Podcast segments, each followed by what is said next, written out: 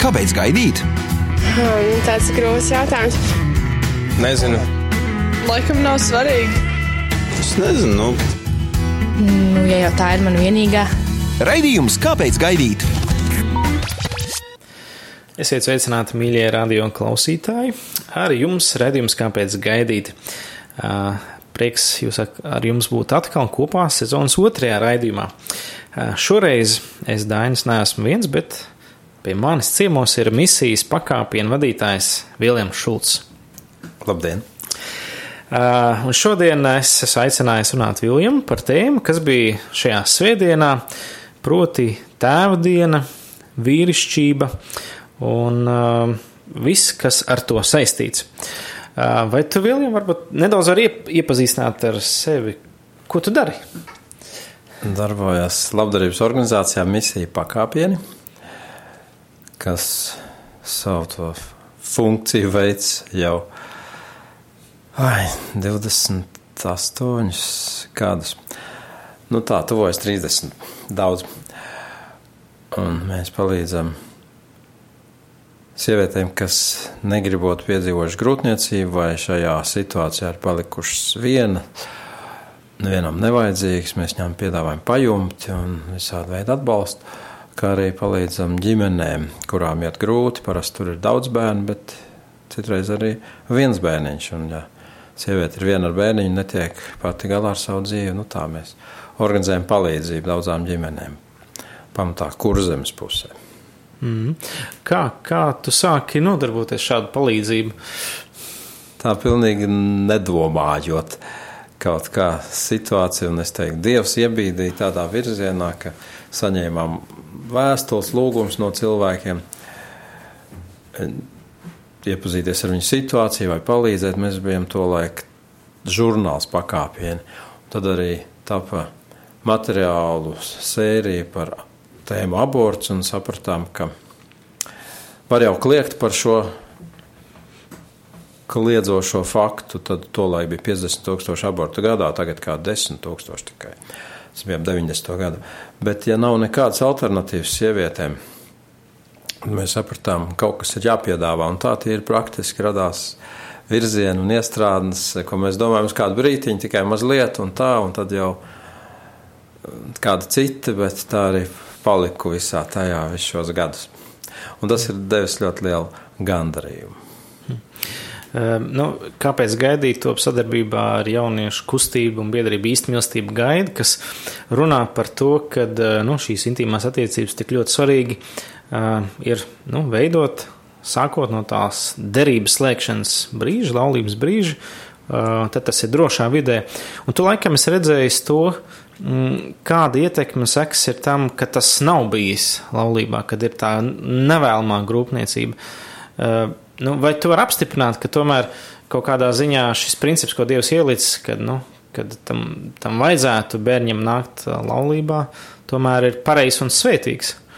Varbūt var pastāstīt nu, par tām, nu, ko tu esi redzējis savā dzīvē, cik ļoti atkal nu, nepaklausība šim principam aizved tādās sāpēs un ciešanās. Jā, nu šis princips droši vien tiem cilvēkiem, ar kuriem mēs sadarbojamies, liktos pilnīgi no cita laikmeta un kaut kāds absurds, un nu, ko nozīmē. Mm nenodarboties ar to, ar ko visi nodarbojas, tas pats par sevi saprotams. Tad man nāk prātā padomju laika anekdoti, ka kā izvairīties no saslimšanām, kas saistīts ar tādiem sakariem. Ir notīties abiem no galvas līdz kājām ar plēvi un nekādas tuvības. Tad apmēram drīzāk ar viņiem varētu runāt joku līmenī, ka, nē, ziniet, jums jāturās, jums jāgaida laulība tā, jo Nu, kaut kā tāda sajūta sabiedrībā liekas, bet to visi dara. Kas tad es būšu kaut kāds sliktāks, man puisis piedāvāja.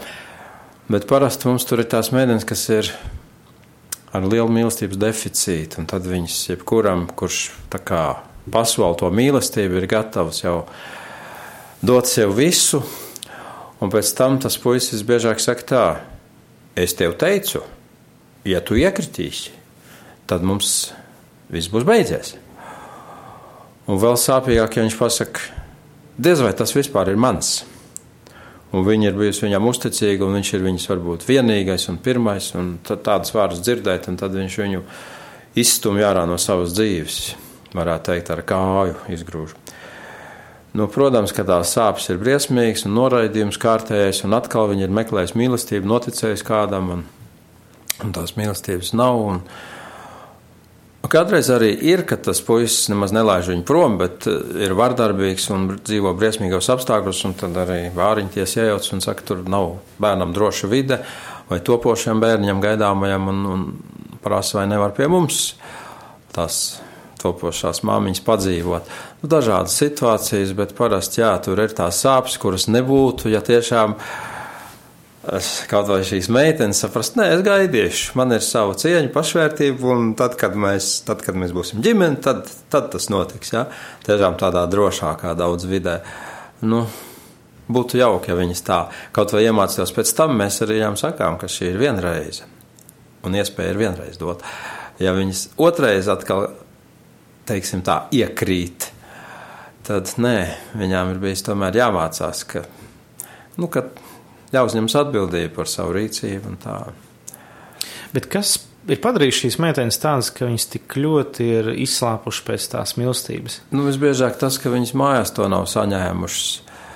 Nerunāsim par tēvu, kurš parasti nav bijis, kādreiz ir bijis kādām arī vardarbīgs. Uh, bet bieži vien pat māte, un atceros kādu meiteni stāstīja, es tā centos, es tik labi mācījos, es mājās kārtoju, es gatavoju ēst, lai tikai kaut kā izpelnītos mātes mīlestību. Viņai tas bija pilnīgi vienalga, un viņa mūs nemīlēja, un reti bija mājās, un vīrieši mainījās, un beigās mūs izņēma no tās ģimenes, un tā arī viņa nekad neizpelnījās to mātes atzinību. Nu, tas tikai viens gadījums, bet parasti ir šis mīlestības deficīts no bērnības, Bija kāda meitene, kas ļoti slikti pret savu bērniņu izturējās un piesolīja viņu izmest pa otrā stāvā logu, ja viņš nepārstās brēkt. Nu, teiksim, mēnesis vecs. Viņš saprot, ka, ka ir jāpārstāj brēkt. Nu, es ironizēju. Un, un mēs domājam, jārunā ļoti nopietni ar šo meiteni. Viņai nu, atņems bērnu, tā nevar rīkoties. Bet tad kāda mūsu darbiniece bija pietiekami saprātīga un parunāja ar viņu atsevišķi par citu tēmu. Vai tevi kāds kādreiz ir mīlējis dzīvēm? Un izrādījās, ka nē, viņi nevar nosaukt nevienu cilvēku, no kura viņi būtu saņēmuši mīlestību. Un tad mēs sapratām, ka tā nebūs īstā pieeja, tur nu, informēt viņu par viņas rīcības iespējamām negatīvām sekām. Bet mēs sarunājam ar visām pārējām iemītniecēm, ka šeit ir īpašs gadījums un ka, lai viņas viņai mēģina izrādīt kaut kādu nu, tādu iecietību pret visādiem izgājieniem. Tā.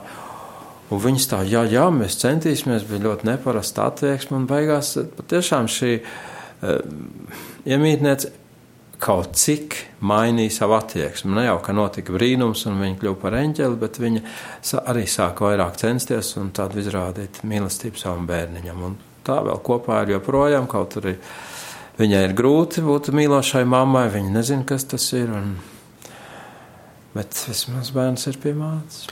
Bet, ja principā, mēs nonākam līdz tai tēmai, par ko mēs runājam arī nu, šajās svētdienās, daudz kur proti, par tēviem.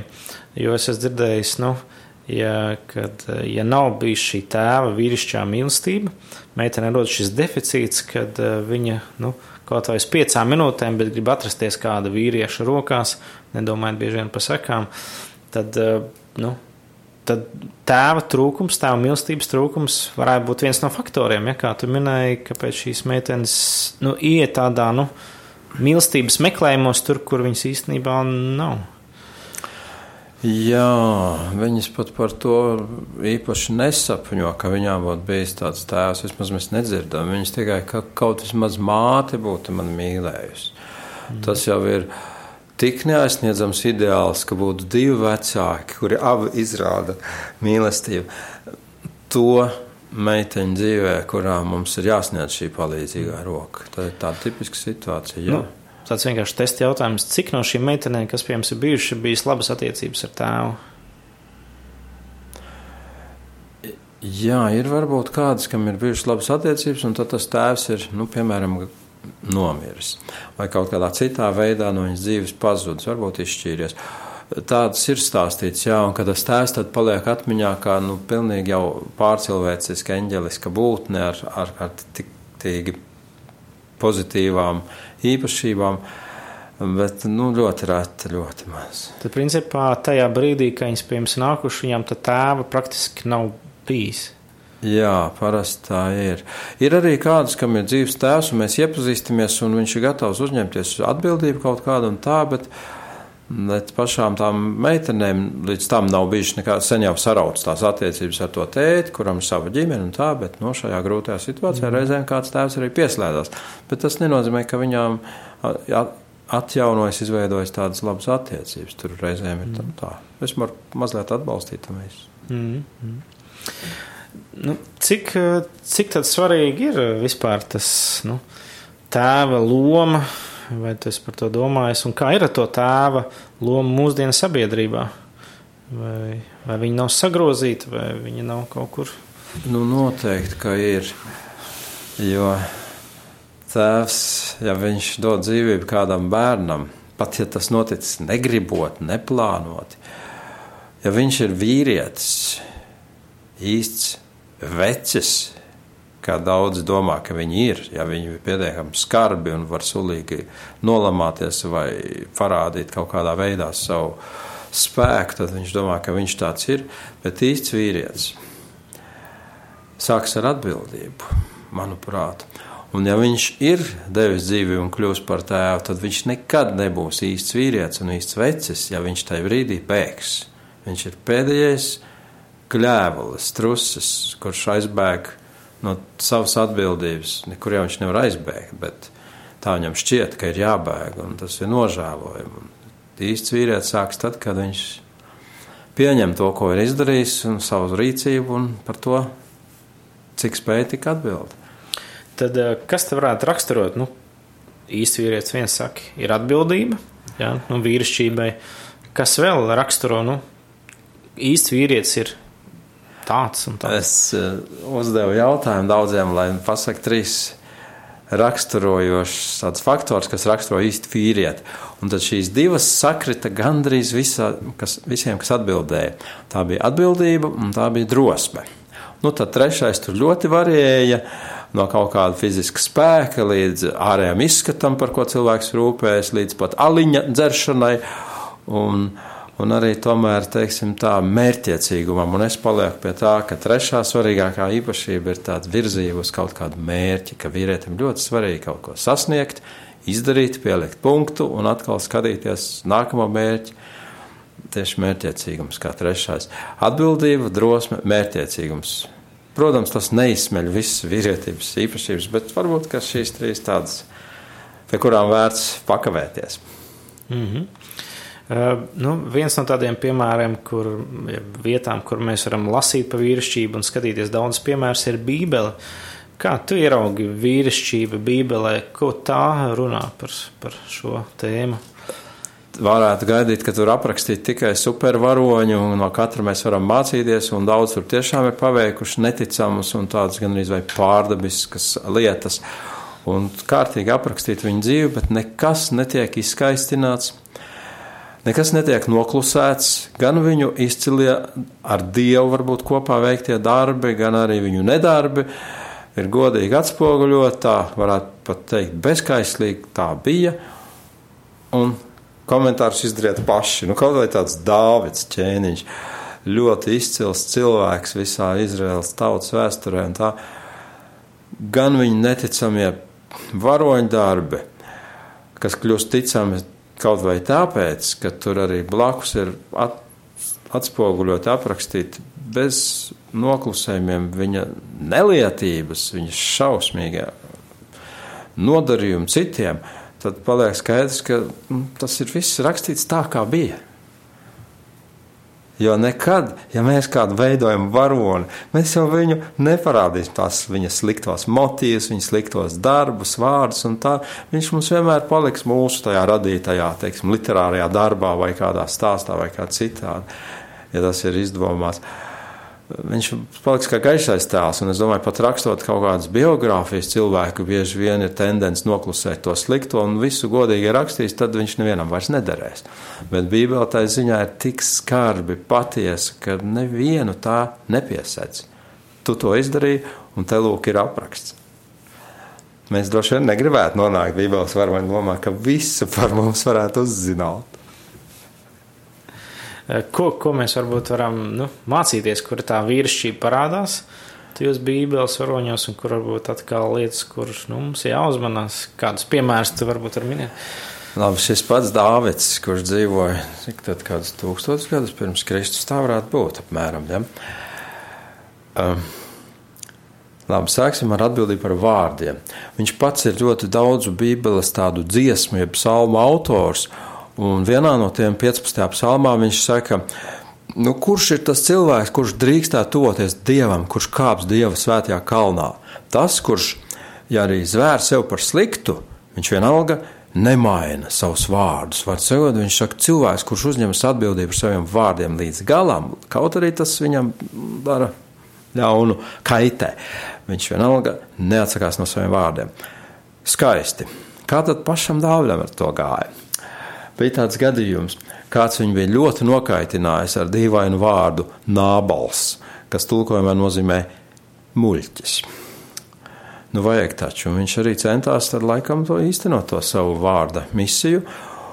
Un Dāvids bija palūdzis, vai viņš nevarētu sakarā ar to, ka Dāvida vīri jau bija snieguši, snieguši aizsardzību viņa ganāmpulkiem lieliem, vai viņš nevarētu noziedot viņa, ganām, viņa karapulkam kaut ko no tā nābala ganāmpula, kādus dzīvniekus, kā dāvanu ēšanai. Un tas bija pateicis, kas tas vienīgais kalps, kas te ir aizbēdzis no sava saimnieka, un tādi kā viņš te nāk un iet, un vispār, kas tas tāds ir par Dāvidu, es nekā negribu zināt to. Un nezinu, kāpēc tas Dāvids tik trausmīgi pārskaitās, ka viņš, manuprāt, vairs nekontrolē, ko runā. Viņš nozvērējās, ka nevienu no tā nābola vīriešiem, no viņas visas lielās tās saimes un kalpu loka neatstās dzīvu. Viņam pašam bija tur kaut kāds 600 izlases karavīri, un viņi bija liels spēks patiesībā. Vesela armija neliela, no kā tur baidījās. Un tagad viņš paņēma daļu tos vīrus, dodas ar šādu apgalvojumu, ka tur viss no rīta vairs neviens nebūs dzīves. Bet pirmkārt jau tas zvērs bija trausmīgs. Nu, kāpēc slepkavot? Nekas jau nebija nu, izdarīts. Nu, viņš bija tur kaut kā mazliet apsaukāts, un viņam bija atteikts ziedojums. Dod man ziedojumu, nu, noziedo mūsu cilvēkiem kaut ko. Nē, ne, nedošu. Un kas tu vispār tāds esi? Un viss, un par to tagad sāksies masu nu, genocīds, varētu teikt. Un viņš bija to apsolījis. Par laimi iznāk ārā tā nābala sieva, abigaila, un tā galīgi nav muļķe. Un viņa nāk ar bagātām dāvanām šim Dāvidam un viņa vīriem un lūdz atdošanu sava vīra vārdā. Nu, viņš ir tāds, viņš atbild savam vārdam, bet lūdzu neņem to ļaunā un pieņem šīs dāvanas. Nu, tieši pārtika, kas viņam bija aktuāla. Un dārts saka, vai cik labi tu man izglābi no asins izliešanas. Bet viņš neko nesaka par savu stulboto solījumu, ja pat zvērstu.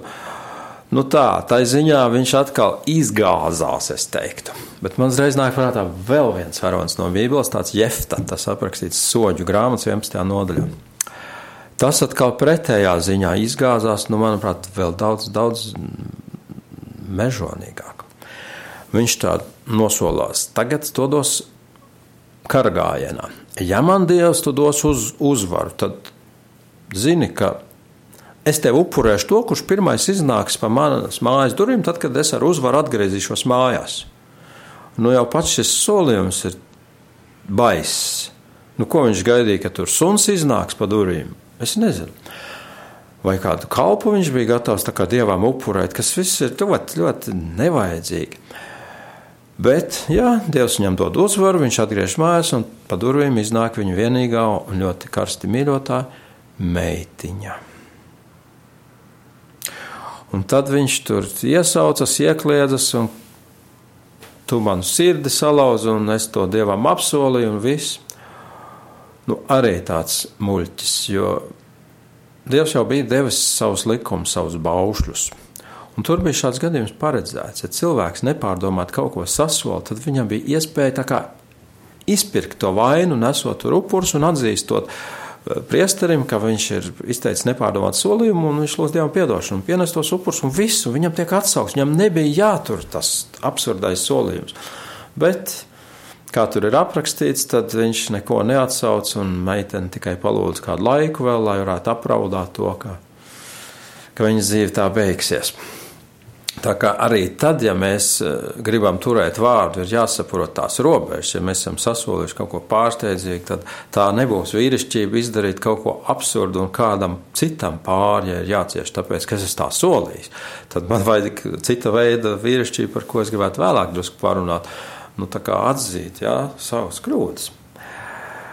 Un kā Jēzus saka par tiem vārdiem, jūsu vārdā ir jā, jā, nē, nē. Un viss, kas ir ārpus tā, jau ir no ļaunā. Viņš saka, nu, ja mēs kaut ko pasakām, mums nav jāzvēr, mums nav jāpiesauc kaut kādi apliecinājumi. Mēs vienkārši, ja mēs esam vīrs un vārds, mēs pateicam, jā, tas nozīmē jā. Viss. Ja es pasaku nē, tas nozīmē nē, un nav ko man tur daudz vairs prašņāt. Nu, bet varbūt tomēr, nu, var jau mēģināt. Nu, tā, tā Jēzus ierosina, lūk, kas ir vīrs. Kā pateica, tā viņš arī rīkojas. Kāpēc varbūt tāds papildu jautājums, kāpēc varbūt kādiem nu, nav trūkstās vīrišķības pateikt, nu, ko solīju, jo, zin kā, saka, es būšu tikos un tikos, un tad bieži vien nav, vai es tev pazvanīšu, nepazvanu. Tas arī tā kā skaitās jau nevīrišķīgi, vai tas vienkārši ir tādas cilvēciskas kļūdas, Nu, es domāju, noteikti, ja es esmu kādam solījis, es varu aizmirst. Un tad, kad es sastopos ar faktu, ka es to nepildīju, ko solīju, nu, tad man vismaz vajadzētu atvainoties un tā no sirds uzņemties to atbildību. Bet, ja es neaizmirstu, tad tas mans dotais vārds, nu, vai nu es esmu vīrs ar savu vārdu, vai arī neesmu. Ļoti vienkārši. Nu, es domāju, nemaz nav tik grūti jebkuram, kuram varbūt tā liekas, ka tas nav svarīgi, saprast, ka Nu, tas ir neatņemams vīrišķības attribūts - atbildēt par saviem vārdiem. Kā to varbūt iemācīties? Nu, ja cilvēks, man liekas, tas ir vieglākais no jo tur pat nav varbūt jāmaina tik ļoti savu iekšējā būtību, savus raksturus. Vienkārši saprast, ka nu, tā nevar. Nu, nu, tas ir tā, kā es varu vienmēr likt mašīnu, kur pagadās, bet tad, kad man sāk likt sodus, es sākšu domāt, piemēram, ja man tur nav jāmaina raksturs, bet tikai nedaudz varbūt savu tādu paradumu. Es domāju, par tiem vārdiem tas pats varbūt man neviens sods neliks, tikai mani vairs neņems tā kā nopietnu cilvēku, un tas arī savu veidu sods. Nu, ka, tas nekur nedara, tas man pašam kaitē un nekādā ziņā neceļ manu tādu reputāciju kā vīrietim, ja, ja man izteiktie vārdi neko nenozīmē. Un viss to zina, jā, uz viņu nevar paļauties. Tas nu, ļoti tālu ir no tā, ko, kas būtu vīrietība. Nu, daudz saka, ka, piemēram, nu, tur nezinu, blakus lielās, lielā valsts, vai ne, kas mums ir, ko sauc par lielo lāci, tie ir tādi vīrišķīgi cīnītāji, bet mēs redzam tā propaganda, kas nāk, un tā padomu varas propaganda visu laiku bija nu, balstīta uz meliem, ka nebija jā, jā, nē, nē. Avīze Pravda, kur no pravdas jau no patiesības nekā nebija. Nu, Kā mums izdzīvot šajā laikmetā, kur, nu, principā, nu, tas ir gandrīz normāli? Nu, kā tad? Ka vārdi neko nenozīmē, bet nozīmē tieši pretējo. Ne, nu, protams, jāskatās uz visu, uz sevišķi jau zinot, ka ir kādi, kas to vien dara, kā melo un sagroza patiesību. Jāskatās ļoti tā. Tā arī jāskatās piesardzīgi un ne jau jāsāk ar sevi, principā. Lētacīgi ņemot visu pretī izdzīvot jau nav tik grūti, ja kamēr tas lācis sēž vēl savā teritorijā. Ja viņš nāks eh, kaut ko ņemt šeit, kas nav viņa, tad. Ja, bet tur pamatā ir toksiskā vīrišķība. Varbūt var paskaidrot, ko tu ar to domā. Es ar to domāju, ja pavisam īsi vīrišķīgo īpašību ļaunprātīga izmantošana. Un viens no tiem paveidiem, kas gan nav tas tipiskākais, ļoti slēpts paveids, ir uzskatīt visus par ienaidniekiem. Un tā ir visus padomju laiks bijis. Ienaidnieks nesnauž. Tādi plakāti un tā doma mūs caurstrāvoja. Ienaidnieks ir gatavs uzbrukt jebkuru brīdi. Mēs bruņojamies, mēs gatavojamies kā sabiedrība visus gadus un nekad neviens ienaidnieks nenāca un netaisījās nākt ne tuvu. Es domāju, to arī zināja tie, kas izplatīja to propagandu, ka nekāda ienaidnieka nav un neviens nenāks mūs ņemt. Bet tā mēs vienmēr tikam kūdīti un kacināti, ka ienaidnieks uzglūda. Un tas pats tiek uzturēts mūsdienās, bet tas, lūk, arī ir šis slēptais toksiskās vīrišķības veids, manuprāt, ka radīt ienaidnieku tēlu, bruņoties, pārspēt visus ar savu militāro spēku Un tad beigās, nu, kaut kad jau, taču, jau tie muskuļi ir jāizkustina, un tas šautenis ir jāieļo, un jāsāk ir šaut reāli. Nu, tad kaut vai mēs tur ejam uz Afganistānu, un tur dabūja bišķi pa mici, un tas jau bija 80. gads.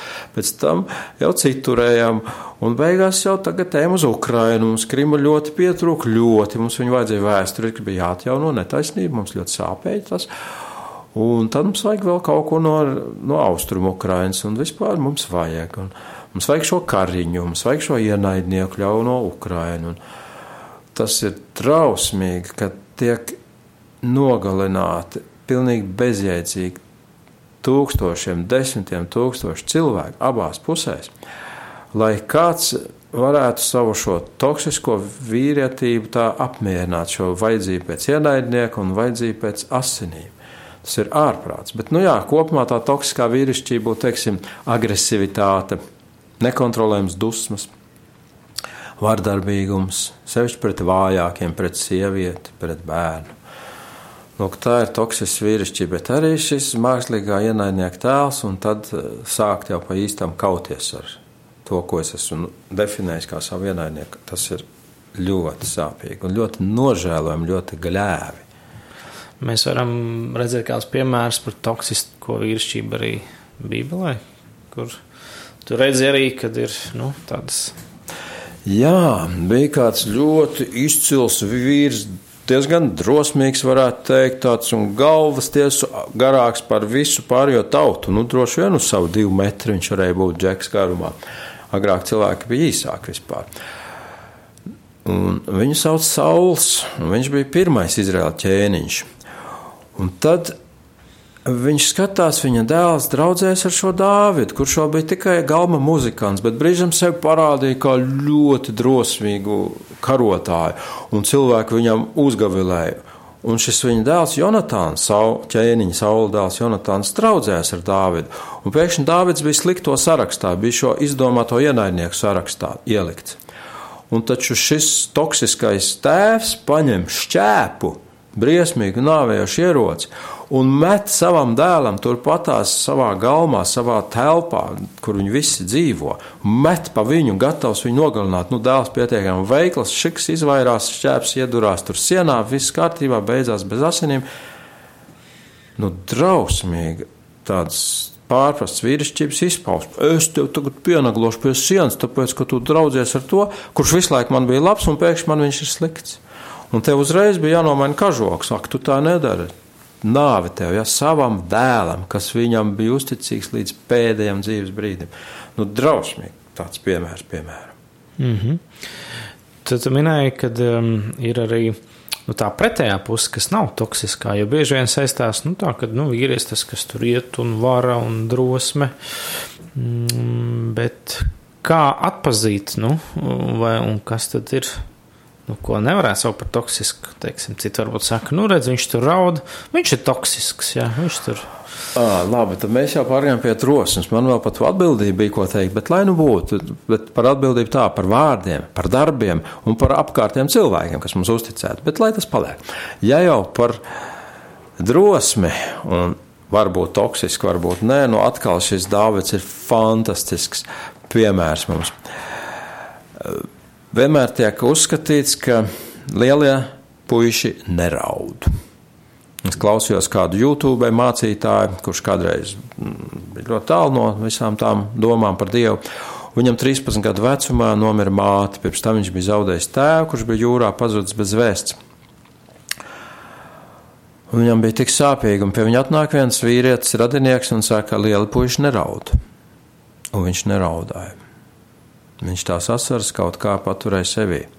Čak, bet es izaugu par tik nekontrolējumu dusmu pārņemtu cilvēku, ka no manis cieta gadu desmitiem visi apkārtējie. Un viņš to saist kopā tikai ar to, ka viņu iemācīja apspiest emocijas. Līdz savam brīdim, kamēr tās izlaužās kā šīs dusmas. Un tad, kad viņš atrada Jēzu Kristu un atrada jaunu dzīvi, brīvību viņā, tad viņš saprata, ka tas viss bija pilnīgi garām šis lielo puišu neraud formulējums un ka ir jāraud. Un te nu šis Dāvids, ja, viņi ierodās pēc arī pēc kāda karagājiena savā nometnes vietā un skatās, tur ir bijuši citi un aizveduši gūstā visas viņu tuviniekus, sievas un bērnus, visu, arī tur iedzīvu visu. Un šis drosmīgais karotājs nekaunējās izrādīt savas jūtas. Viņš raud, raud visi pārējie, katram ir sava sāpe, un viņi raudāja, līdz viņiem vairs nebija spēka paraudāt. Līdz absolūtam spēka izjūgumam viņi raudāja no sirds. Un kas tad bija noticis? Kāds bija nomiris, kāds bija nogalināts? Viņiem nebija ziņu, viņi bija nolaupīti, aizvesti, bet nebija nekādu ziņu. Un beigās izrādās, ka viss ir dzīvi veseli. Viņi atkaroja un atguva visus ar uzviju atpakaļ, jo ļoti daudz vēl trofeju dabūja savā tajā uzvaras gājienā. Bet ne, nekas tik neatgriezenisks nebija noticis, bet kā viņi raudāja. Un tā ir drosme izrādīt emocijas. Vēl lielāka drosme, manuprāt, ja, kas ir neatņemama sastāvdaļa, ir atzīt savas kļūdas, savas nodarījumus, savus grēkus. Piemēram, es ģimenē sakliedzu uz bērnu, un es redzu, es esmu viņu tā sāpinājis, ievainojis, nepamatot. Es jau varu pēc tam teikt, labi, es tev nopirkšu kaut ko, aizbrauksim kaut kur kopā, pats spēlēsim kā tēvs ar bērnu, un tā, un viss būs labi, ja, ha, ha, ha, tā nogludināt. Bet drosme un vīrišķība būtu aiziet un tam bērnam pateikt, piedod Man tā nevajadzēja darīt. Es tā nedrīkstēju darīt. Es tev sāpināju. Man ir žēl. Ļoti grūti. Tas sākās ar pirmo cilvēku, kurš izdarīdams grēku, tā vietā, lai savam radītājam, dievam pateikt, vainīgs, viņš uzreiz meklēja, uz ko pārvelt vainu. Bet tā sieviete, ko tu man iedevi, tā jau bija tā vainīgā. Un tā mēs laikam esam pārmantojuši šo īpašību maksimāli slēpt savus nodarījumus un piesakt sevi, un kā vien var meklēt attaisnojumu. Bet tā nav vīrietība, manuprāt. Un tad vēl gribētu teikt, nu, tā īstā drosme, ko mēs visi saprotam, stāties pretī pārspēkam. Un bieži vien nu, mums ir bail. Ir tāds skaists teiciens, varonis ir nevis tas, kurš nebaidās, bet tas, kurš baidās un tomēr dara. Man kādreiz bija izsaukums uz valsts drošības komiteju, un tur divas dienas no vietas garas stundas pratināja par kādu draugu un to, ko mēs kopā bijām darījuši padomu laikos, tādu pret valsts varu. Un es biju nobijies kā žurka, un nākamā dienā braucu atpakaļ uz turienes ar satiksmi, un, un, un nu, viss ir strīds pilnīgi. Es zinu, es esmu izstāstījis jau vairāk nekā es gribēju, un es esmu bezspēcīgs. Tad es sāku lūgt Dievu. Un tad es piedzīvoju kaut ko neticamu, man ienāca tāda drosme, tāds, tāda pārliecība, ka es varēju mierīgi skatīties acīs tam pratinātājam. Un tā kā nenolaist no viņa skatiena, viņš nezināja, kur savas acis likt. Man, man nāca, nu, ne gluži smiekli, bet man bija vienalga, ja man ieliks tur pagrabā cietumā, kas trīs stāvos, tur bija zem zemes. Čekas ēkā, tad man likās, nu, lai tā būtu. Bet eh, man vairs nebija bail, un es piedzīvoju, ka var pār mums nākt šāds drosmes gars, tāds dievu pieskāriens, ka mēs varam stāties pretī pārspēkam.